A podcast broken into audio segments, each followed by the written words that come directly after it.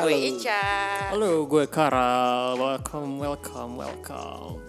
Nah, eh, untuk eh, pot by kincir pertama nih, Ca. Nah, kita di siang yang bolong ini, Baik. siang yang bolong ini tapi cerah dan tidak oh sempat hujan ya barusan ya, sempat hujan. Itu dia, agak membingungkan memang cuaca di Kemang ini. Kebetulan kita di Kemang ya. Betul, kita kantornya di Tapi Kemang. bukan Kemang Gisar. Oh, mm. Enggak, Kemang. Anak Binus, anak Binus. Gue Wah. Oke, nah eh, di su- suasana yang shadow-shadow yang sangat enak untuk ngopi santai dan juga minum teh ini kita akan ngebacain beberapa news nih Ca. Oke, yang pertama apa aja nih? Gue punya news dari Jared Leto. Soalnya gue suka banget sih sama Jared Leto. Oh, 30 Second to Mars. Yoi, Wih. King and Queens, The Kill. Iya, eh, iya. jadi musik. Wait, tak.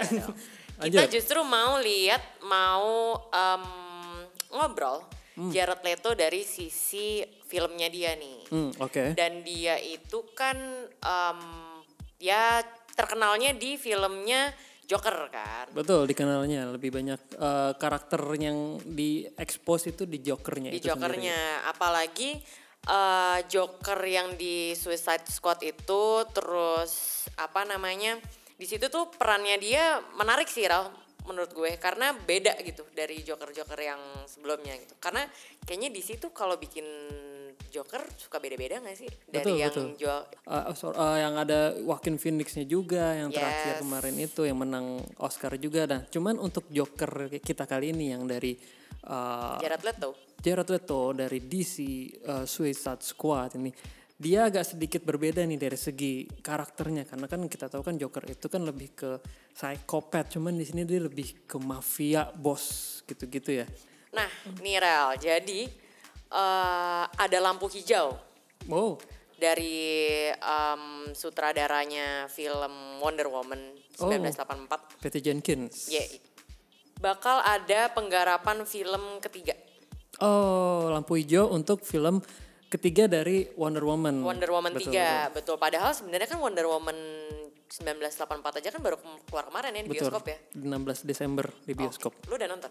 udah Gue belum sih, jujur gue masih agak worry. worry worry Eh, dia selain di bioskop juga keluar di HBO Max cuman sayangnya nggak masuk ke Indonesia Oh oke, karena eh, di Indo sendiri tuh belum bisa akses Gitu. belum HBO Max ya. jadi salah satunya satu-satunya cuman nonton lewat bioskop doang Oke. Tapi mungkin buat teman-teman yang lain gimana nih? Udah pada berani nonton bioskop belum sih? Kalau gue nih, eh, Ica jujur gue masih agak parno. Tapi kalau Karel nih kemarin dia udah nyoba nonton dan film pertama yang lu tonton di pandemi Wonder Woman ya. betul pertama sekali setelah dari Maret mungkin Maret Iya. 2020 Gue tuh terakhir nonton Birds of Prey. ah ya ya gue udah gak inget gue terakhir nonton Iya, apa udah. tuh kayak Dan apa namanya itu kalau salah juga masih awal tahun kan filmnya. awal awal tahun banget Gue kangen sih Popcorn 21, XX1. Eh, gue kangen mbak-mbaknya iya Eh, baik. Oke, kita lanjut. Jadi dari Patty Jenkins sendiri nih eh, di saat film Wonder Woman 1984 keluar, dia udah memastikan lagi eh, untuk penggarapan film Wonder Woman 3 gitu. Dan eh, Jenkins sendiri tuh udah ngebocorin kalau film ketiganya ini bakal berlatar waktu pada masa kini. Hmm, hmm. Kalau Wonder Woman yang kemarin tuh dia latar belakang waktunya kan eh, zaman dulu ya. 19 Oh pas yang Wonder Woman pertama tuh tentang eh, pas lagi Perang Dunia Kedua. Ya si Chris Pine eh, apa jadi yang di- pilotnya juga ya, jadi gitu. pilotnya. Nah 1984 1984 itu ya pada tahun 1984 mungkin di situ tahun-tahun uh, ref- uh, pergantian teknologi, pergantian musik. Jadi kayak ada- adanya pergantian gitu. Nah situlah plek adanya Wonder Woman di I situ. see. Nah, jadi ada rumor nih Rel kalau Jared Leto yang tadi gue suka banget Hmm. karena dia di 30 Seconds to Mars. Eh enggak, nih kita balik lagi ke film. Oh, ya.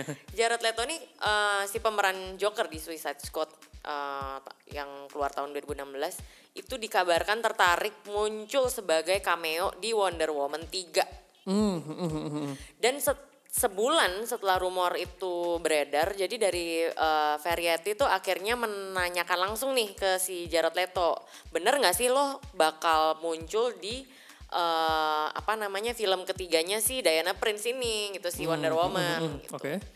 Nah dari podcastnya si Variety, eh, Leto tuh bilang, saya nggak tahu bahwa saya pernah mengatakan itu.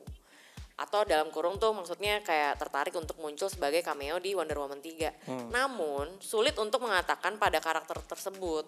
Jadi mungkin kalau, ya mungkin dia sendiri tuh sulit nolak kali ya buat karakter Joker kali ya. Benar, benar, benar, benar, benar. Tertarik mungkin untuk menggarap lagi, mendalami lagi karakternya gitu.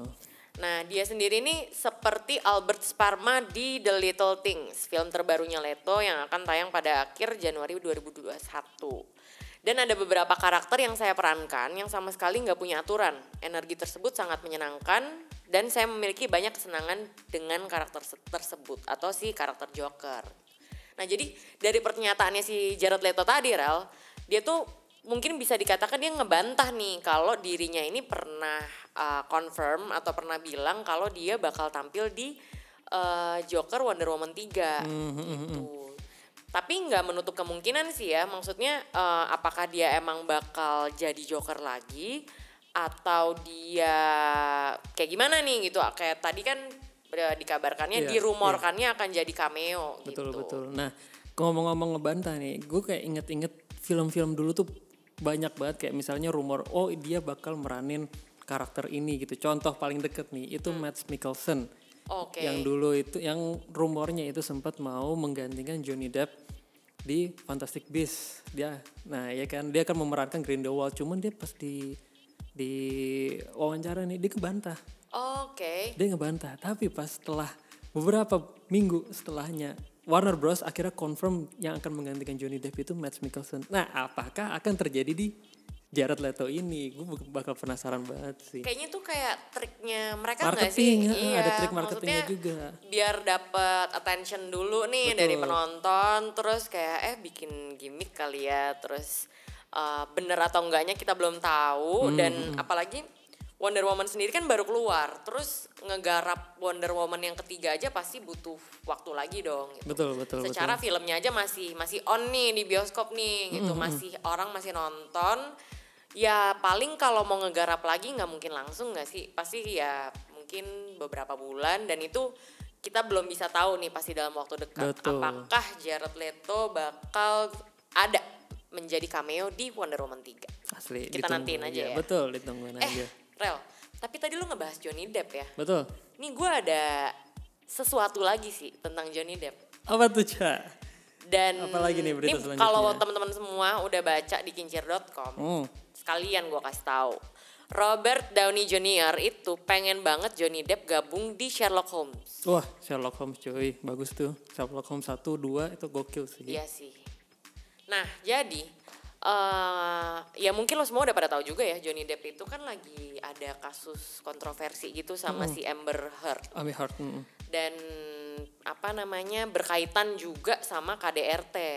Kalau si Ambernya kan emang ada kayaknya nih atau ya masih dirumorkan atau ya ada bukti-bukti juga sih kalau yang dilihat si Ambernya ini melakukan tindak kekerasan ke Johnny Depp sendiri gitu. Nah, eh, dan hal ini pun eh, yang menyebabkan si Depp ini Johnny Depp tuh dipecat sama studio film dari sejumlah project yang dibintangin si Johnny Depp sendiri. Betul, salah satunya tuh Fantastic Beasts. Oh oke. Nah tapi dari situ Rel, si Robert Downey Jr. justru pengen ngegait Johnny Depp dalam proyek film terbarunya si Sherlock Holmes. Sherlock Holmes gitu. Mungkin kalau dipikir-pikir Robert Downey Jr. ini ya sih kayak pengen nyari temen. Nih apalagi kan ternyata mereka tuh dulu temenan kayaknya ya. Kayaknya sempet main film baru deh. Eh, film Zaman- bareng deh. Zaman dahulu dulu, banget nih. Ini gue lihat nih di kincir.com fotonya masih muda banget Jo. Iya, Johnny Deppnya sambil ngerokok tuh ngerangkul. Iya. ngerangkul gitu gitu. Mungkin kalau menurut gue nih Robert Downey Jr. nih kan udah nggak punya teman-teman Avengers lagi kan. Hmm. Terus kayak gue main sama siapa ya? Itu kayak sama Johnny Depp asik kali ya. Gue Hmm, ajak Johnny Depp kali gitu. Boleh sih, boleh. Nah, kalau dilansir dari eh, dari Kincir juga nih kalau teman-teman udah baca. Jadi sebelumnya kan di Sherlock Holmes 2 itu kita sudah tahu eh, siapa yang memerankan eh, James Moriarty. Nah, di sequel yang ketiga ini rumornya Johnny Depp itu juga akan memerankan salah satu eh, villain ya. Akan villain ya, oke. Penjahat ikonis dari Sherlock Holmes salah satunya gitu. Nah, yang bernama Charles Augustus Magnussen, seorang pengusaha yang memanfaatkan kejeniusannya untuk memeras orang lain. Jadi kalau misalnya dari eh, novelnya sendiri, novelnya Sherlock Holmes, itu tuh dia musuhnya itu nggak cuman nggak cuman yang bernama James Moriarty juga gitu. Ada satu lagi oke. namanya Charles August, Augustus Magnussen. Mereka dia juga pinter banget.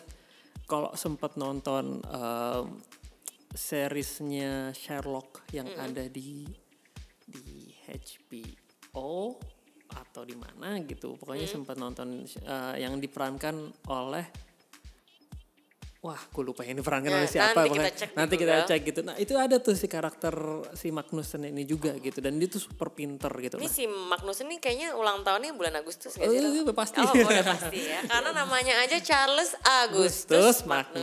Magnussen. Gak mungkin namanya Agustus ulang tahunnya Juli ya, Desember, iya, hari Juli Desember. gitu. Gak mungkin. Nah, itu mungkin yang bakal jadi eh, rumor-rumor ke depannya gitu kalau Eh, Rel, terjadi. tapi gue juga baru ngeh sih kalau Sherlock tuh salah satu pemainnya tuh Benedict Cumberbatch Nah juga itu ya? Benedict Cumberbatch juga itu yang gue bilang di seriesnya itu namanya Ben. Nah itu eh dia sama sih bentuk bedanya dengan Sherlock Holmes yang di film Sherlock itu menceritakan tentang Sherlock Holmes juga cuman di dunia modern. I see. Gue nih, gue sebagai orang yang tidak menonton Sherlock, Oke. sejujurnya, cuman mendengar nama-nama Robert Downey Jr. dan si Benedict, Hmm. gue jadi kayak kebayang Endgame gitu, kebayang Avengers. Betul gitu loh. Sedangkan ini kan beda ya, beda, film ya, beda beda, film. genre juga gitu. Dan eh, Johnny Depp sendiri nih kita lanjut ya. Johnny Depp sendiri itu eh, dalam film Sherlock terbilang sangat kecil sih em, apa chance-nya mungkin ya buat dapetin peran utama karena kan eh, ya meski udah diinginin sama si Robert Downey Jr. sebagai selaku pemeran utamanya. Mhm. Jadi masih masih masih rancu sih kalau dari apa namanya berita yang kita dapetin nih apakah uh, keterlibatannya Johnny Depp ini uh, udah ada persentase 50-50 kah atau emang udah confirm jadi masih belum ya masih dibilang sangat kecil lah gitu. Walaupun dari Robert Downey Jr. sendiri uh, udah kepengen gitu ngajakin si Johnny Depp. Yes, yes, yes. Nah ini tuh juga mengingat si eh, Johnny Depp mempunyai kasus kontroversial juga yang sebenarnya tuh sudah cukup lama itu tuh kasus sudah cukup lama. Cuman eh, pihak dari mantan istrinya yang memenangi kasus tersebut yang di mana Johnny Deppnya mer- eh, mendapatkan kerugian dia akhirnya dipecat nih di beberapa film. Nah untuk ke depannya kita masih belum tahu apakah Johnny Depp bisa eh, dikurangin lah dari eh, hukuman yang dari kasus tersebut gitu. Kalau misalnya bisa dikurangin mungkin ada ke- kesempatan besar dia gabung di film. Sherlock. Betul. Sherlock Holmes ketiga nih. Tapi buat eh, lo semua nih tanggapan kalian gimana sih kalau bener Johnny Depp gabung di Sherlock Holmes? Kasih tahu kita di Instagram boleh dong Boleh Instagram at. Betul. Dan kalau kalian mau tahu cerita lebih lanjutnya nih mengenai isu ini, kalian bisa cek di kincir.com-nya juga gitu. Yo, Nah. Karena update beritanya tuh setiap hari ada ya, Ro? Selalu selalu ada tiap hari dan up to date. Oke. Terus kita punya apa lagi nih, Rel? Nah, selanjutnya kita juga ada nih dari eh kita balik ke dunia Marvel. Jadi ternyata Ca, ada tujuh sutradara Hollywood yang menolak garap film Marvel. Padahal film Marvel itu kan kalau di Hollywood tuh udah jadi kayak primadonanya film sana gitu. Dan udah pasti box office gak sih? Pasti Semua box orang di office. dunia bakal nonton Betul. gitu. Itu tuh kayak eh, shortcutnya para aktor atau para aktris untuk Jadi eh, tenar. Jadi tenar yang punya masa depan gemilang. Kayak contohnya tuh dulu Robert Downey Jr. tuh sempat turun tuh Hmm. pamornya dia tapi karena dia sempat memerankan Iron Man dan ternyata tuh cocok banget di dia akhirnya tuh dia naik Jujur lagi. ya Rel, gue sih sebenarnya baru tahu Robert Downey Jr. tuh waktu dia mainin Iron Man. Oke. Setelah itu baru gue tahu oh dia punya film lain. Betul, Gitu yang di dia di masa mudanya dia gitu. Sama ada filmnya Robert Downey Jr. yang dia jadi pengacara. Itu The kan Judge ya Ya itu bagus banget sih. bener bener bener bener Dan itu adanya juga pas ini kan, pas ada, ah, maksudnya dia udah Iya, mainin pas film Iron Man. di antara gitu. Iron Man 2 deh kalau nggak salah deh di Iya. antara situ-situ. Padahal dulu dia sempet uh, fun fact dia sempet memenangi Oscar loh. Oh iya, Sempat tapi memenangi masa muda. Masih muda. Dia memerankan Char- Charles Chaplin ya. Siapa ya namanya? Eh, pokoknya dia memerankan Chaplin gitu. Dan itu tuh bagus. Semua orang tuh uh, stand up pas dia Best memenangkan Actor tahun 1993. 93 betul Wow, best actor. oke. Cuman dia sempet kena kasus. Oh, I see. Kena kasus di penjara sempat di penjara. Terus habis itu akhirnya dibebasin dan mulai lagi nih karir karirnya di, dilihat oleh John Favreau, sutradara Iron Man, langsung di hire. Dan emang berarti gitu ya, maksudnya eh apa namanya dengan adanya si kasus tadi, terus eh, Robert Downey Jr. akhirnya mau meranin Iron Man dengan kontrak yang panjang nggak sih? Dia main tuh sampai Iron Man 4 kan ya? Dan ada film Avengers-nya juga gitu kan? Iya iya iya. Sebenarnya tuh dia sum- lumayan banyak di cameo cameo gitu. Hmm. Jadi yang lumayan terkenal karena emang dari karakter dia tuh menarik gitu. Iya, sebagai Tony Stark yang apa ya angkuh, terus agak sombong, gitu, tapi juga bilioner, lucu, iya. bilioner, bilioner yang Tapi sombong. pinter gitu, Pinter. jenius. Nah, Menarik. balik lagi ke apa namanya tujuh sutradara Hollywood tadi, ya benar kata lo sih, gitu. Maksudnya eh, ketika ada sutradara-sutradara yang nolak garap film Marvel ini, tuh kenapa sih Rel? Maksudnya di saat eh, ya Robert Downey Jr. sendiri aja bisa menjadi salah satu pembuktian eh, dengan lo main jadi eh, Iron Man gitu, akhirnya kasus-kasus dia mungkin bisa dibilang tertutup gitu. Even gua aja nggak tahu gitu kalau Iya. dulu tuh mereka punya kasus, dia punya kasus.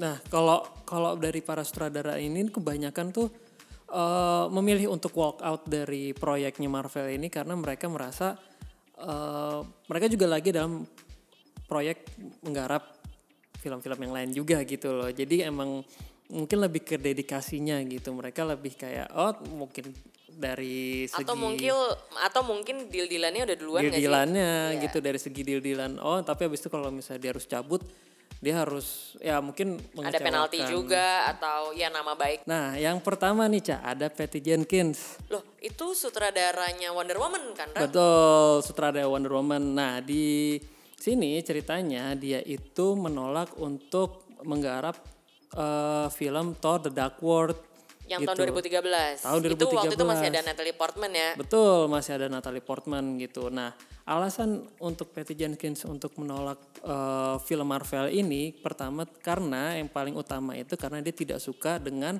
naskahnya gitu. Naskahnya tuh mungkin menurut Jenkins terlalu terlalu gelap, terlalu dark gitu ya. Karena emang filmnya itu emang judulnya aja udah, Udah The. Dark World jo iya, makanya dari situ eh Patty Jenkins memilih untuk mundur dari project itu proyek itu gitu. Nah, dan dilanjutin nih kalau dilihat-lihat sih akhirnya yang bikin Thor The Dark World itu direkturnya Alan Taylor Oh, oke, Alan Taylor ya. Dia yang melanjutkan uh, oh project dia yang ini. bikin Game of Thrones juga Ral Oh. Hmm, fun fact oke fact, Oke. next Next, uh, yang kedua ada Guillermo del Toro. Wah, ini gue suka banget sama nih sutradara. oke Fix banget ini keren banget. Nah, sutradaranya dia ini ada film apa aja sih Ral kemarin tuh yang menang Oscar tuh uh, The Shape of Water. Oke. Dia terus Mungkin teman-teman ada yang belum nonton filmnya boleh ditonton Shapes of Water. Betul. Terus sempet juga eh, menyutradarai Hellboy. Oh, Hellboy yang film dulu ya. lama ya. ya, ya. Nah, bukan yang sekarang, yang bukan yang kemarin itu.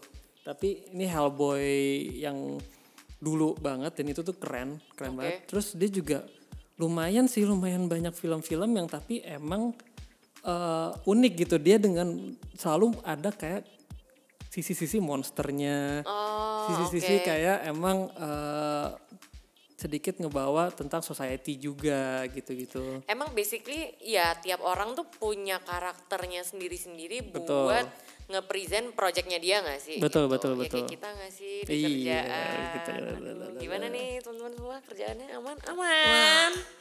Lanjut. Lanjut. Nah, di sini dia eh, menolak eh, film Thor. Jadi saat masih dalam tahap negosiasi bersama Marvel Studio, Del Toro telah merancap konsep Thor yang jauh lebih gelap. Oh, lebih gelap bahkan dan benar-benar berhubungan dengan mitologi Nordik. Oke. Kan Thor, Odin, Loki itu kan Nordik semua tuh.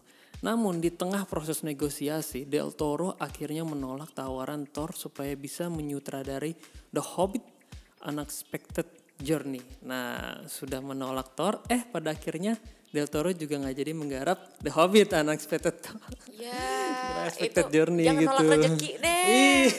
ya nggak usah, nanti ke bawah sampai project-project berikutnya lu nggak dapet. Betul gitu. Sayang banget sih harusnya diterima sih karena mungkin keren kali ya kalau misalnya lebih difokusin eh, apa namanya sejarahnya Nordik gitu. Ada Thor, ada Odin, ada Loki dan ada eh, yang lainnya juga gitu. Itu Iya, jadi aneh. ya maksudnya kalau yang kemarin itu kan kita cuman tahu si bapaknya Thor doang gitu. betul.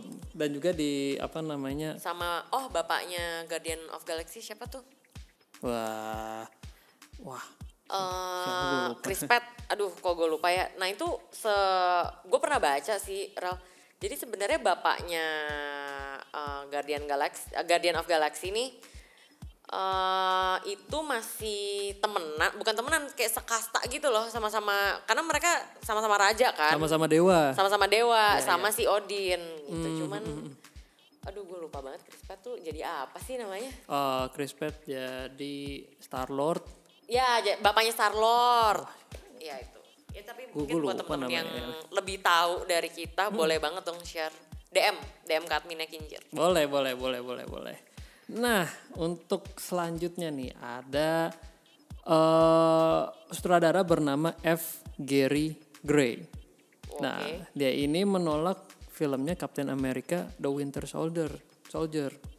Nah, dia eh, pada Maret 2012 nih, Marvel Studios sempat melakukan negosiasi dengan Gray untuk menggarap proyek Captain America: The Winter Soldier. Berarti itu Captain America kedua tuh. Eh, yang pas lagi perang sama Baki bukan sih? Betul. The Winter Soldier itu adalah bakinya. Nah, namun pada April 2012, Gray memutuskan untuk mundur di tengah proses negosiasi. Gray memilih mundur karena ingin fokus pada penggarapan film bi- biopic yang berjudul Strike Out the Camp Compton 2015. Itu tuh film mengenai rap tuh ada Ice Ice Cube, ada Dr. Dr. Dre. Dr. Dre. Iya, Dr. Dre ya. ya. Pokoknya itulah. Itu tuh mereka satu satu kelompok tuh. Nah, itu tuh akhirnya eh, Strike Out the Counter pada akhirnya berhasil masuk nominasi Best Original Screenplay Oscar 2016. Ternyata mundurnya ini dia juga bisa eh, apa namanya? mundurnya dia dalam Project film ini Captain malah- America ini malah dapat Oscar gitu. Iya. Karena belum tentu juga ya maksudnya kalau dia tetap jalanin bikin Captain America terus eh, ya maksudnya kalau dianya nggak nggak nggak nyaman gitu buat ngebikin filmnya kan belum tentu akhirnya si karya film ini jadi bagus ya Betul, sih betul, dan betul, betul. dan kemungkinan dia buat dapet eh, dapet atau bahkan eh, nggak usah dapet dulu deh tapi masuk nominasi Oscar aja tuh ya belum tentu gitu karena eh, ya project tadi gitu yang maksudnya yang lo buat sendiri belum tentu lo seneng ngejalaninnya. Eh tapi akhirnya yang ngelanjutin siapa Ral? si Captain America. Hmm, nih Marvel Studio merek akhirnya ngerekrut si Russo Brothers. Oh iya, akhirnya eh akhirnya setelah si Gray-nya ini mundur nih, akhirnya Marvel Studio mereka sutradara Russo bersaudara yang menggarap untuk menggarap Captain America The Winter Soldier gitu. Dan dia juga menggarap Endgame tuh nggak salah tuh dia. Ih, tapi gue suka sih Russo Brothers. Walaupun eh, nggak tahu sih ya. Mungkin gue lebih ke fans karbitan kali ya. Sorry Nah. banget nih. Ya, Cuman ya, ya kayaknya lu semua juga tahu lah ya Russo Brothers gitu dengan karya-karya film Marvelnya. Hmm, hmm, hmm. Dan dia juga menggarap film the one and only Avenger Infinity War dan juga Endgame. Endgame, gitu loh. Jadi emang dari kualitasnya udah udah Ya udah terbukti Bagus, lah. terbukti gitu Yoi. loh. Nah, tapi buat buat temen-temen yang pengen tahu sutradara-sutradara mana lagi nih yang nolak filmnya Marvel, lu boleh baca di kincir.com ya nggak? Betul, betul, betul. Karena dari salah satu dari sutradara yang menolak ini ternyata ada Zack Snyder. Sutradaranya eh, Justice League yang Snyder Cut bukan yang Justice League sebelumnya karena Justice League sebelumnya itu disutradarai oleh Joss Whedon. Oke. Dan Zack Snyder ini sempat mau menggarap proyek filmnya The Mar- Marvel gitu, tapi akhirnya dia mundur gitu. Oke. Nah, kalau kalian ingin tahu ya mau mau tahu nih gimana gimana ceritanya nih Zack Snyder untuk mundur dari proyeknya Marvel ini kalian bisa cek di kincir.com buka tujuh sutradara Hollywood yang menolak garap film Marvel. Kalian akan menemukan di situ. Terakhir nih Ral, kita mau ngasih lo semua eh, 10 serial dan film Marvel yang siap tayang sepanjang 2021. Betul. buat menemani eh, masa-masa kita melawan pandemi ini. Betul betul betul. Nah, nggak cuman di eh, bioskop doang yang kalian bisa tonton ini lah. Bahkan yang serial-serial ini atau bahkan yang film-film ini juga bisa tayang kemungkinan juga akan tayang di Disney Plus atau di mana-mana kayak contoh yang pertama nih, yang pertama adalah WandaVision. Itu kalian bisa tonton di Disney Hotstar. Itu akan tayang pada 15 Januari 2021. Oke, tuh buat lo semua yang udah menunggu-nunggu tuh bisa nonton di Disney Plus. Dan yang kedua itu ada The Falcon and the Winter Soldier yang bakal tayang di tanggal 19 Maret 2021. Nah, oke. Untuk selanjutnya ada Black Widow yang yang tahun 2020 sempat gagal terus buat untuk Oh, diundur terus diundur karena terus pandemi. Karena pandemi dan akhirnya menemukan tanggal di 2021 yaitu 7 Mei 2021 nih, Ca. Nah, berikutnya nih favorit gue ada Loki. Wow, Loki, Wow. Tom Hiddleston. gue suka banget sih dia di Loki. Itu bakal tayang tanggal eh, tanggalnya ini belum ada sih, tapi Belum, kemungkinan ada di bulan Mei 2021 di Disney Plus juga. Hmm, oke. Untuk selanjutnya ada film Shang-Chi and the Legend of the Ten Rings. Nah, dia dia dijadwalkan akan rilis pada 9 Juli 2021. Oke, berikutnya ada What If. What If ini tayang juga eh, di Disney Plus di tanggal masih belum tahu tanggalnya, tapi perkiraan tuh di musim panas 2021. Betul, di musim panas 2021. Nah, selanjutnya juga ada Eternals. Nah, Eternals sendiri akan tayang, dijadwalkan tayang itu lim- 5 November 2021. Nah berikutnya bakal ada Spider-Man 3. Wih, yang udah nunggu pasti udah fans-fansnya Spider-Man nih. Benar-benar. Dan dibintangin sama Tom Holland lagi pastinya. Itu bakal mun bakal tayang di tanggal 17 Desember 2021. Nah, untuk selanjutnya ada Hawkeye, serial Hawkeye yang dibintangi eh, juga oleh yang gue suka juga Haley Stanfield. Aduh. Gue suka banget dia, Rel. Iya, Tapi dari sisi penyanyi ya. Oh, lo dari sisi penyanyi, gue dari segi filmnya. Eh, Karena dia dulu di Transformers, eh Bumblebee, sih Bumblebee. gue suka sih. Aduh gue ngefans banget sama dia beneran. Oke. Emang oke. Nah, untuk serial Hawkeye ini akan tayang pada akhir 2021 nih. Dan yang terakhir ada Miss Marvel eh, itu juga bakal tayangnya di akhir 2021, belum tahu juga tanggal berapa. Dan rata-rata semuanya bisa ton- ditonton di Disney Plus ya. Disney Plus dan eh, mungkin juga bisa nonton di bioskop gitu-gitu. Cuman eh, kalian tunggu aja. Oke.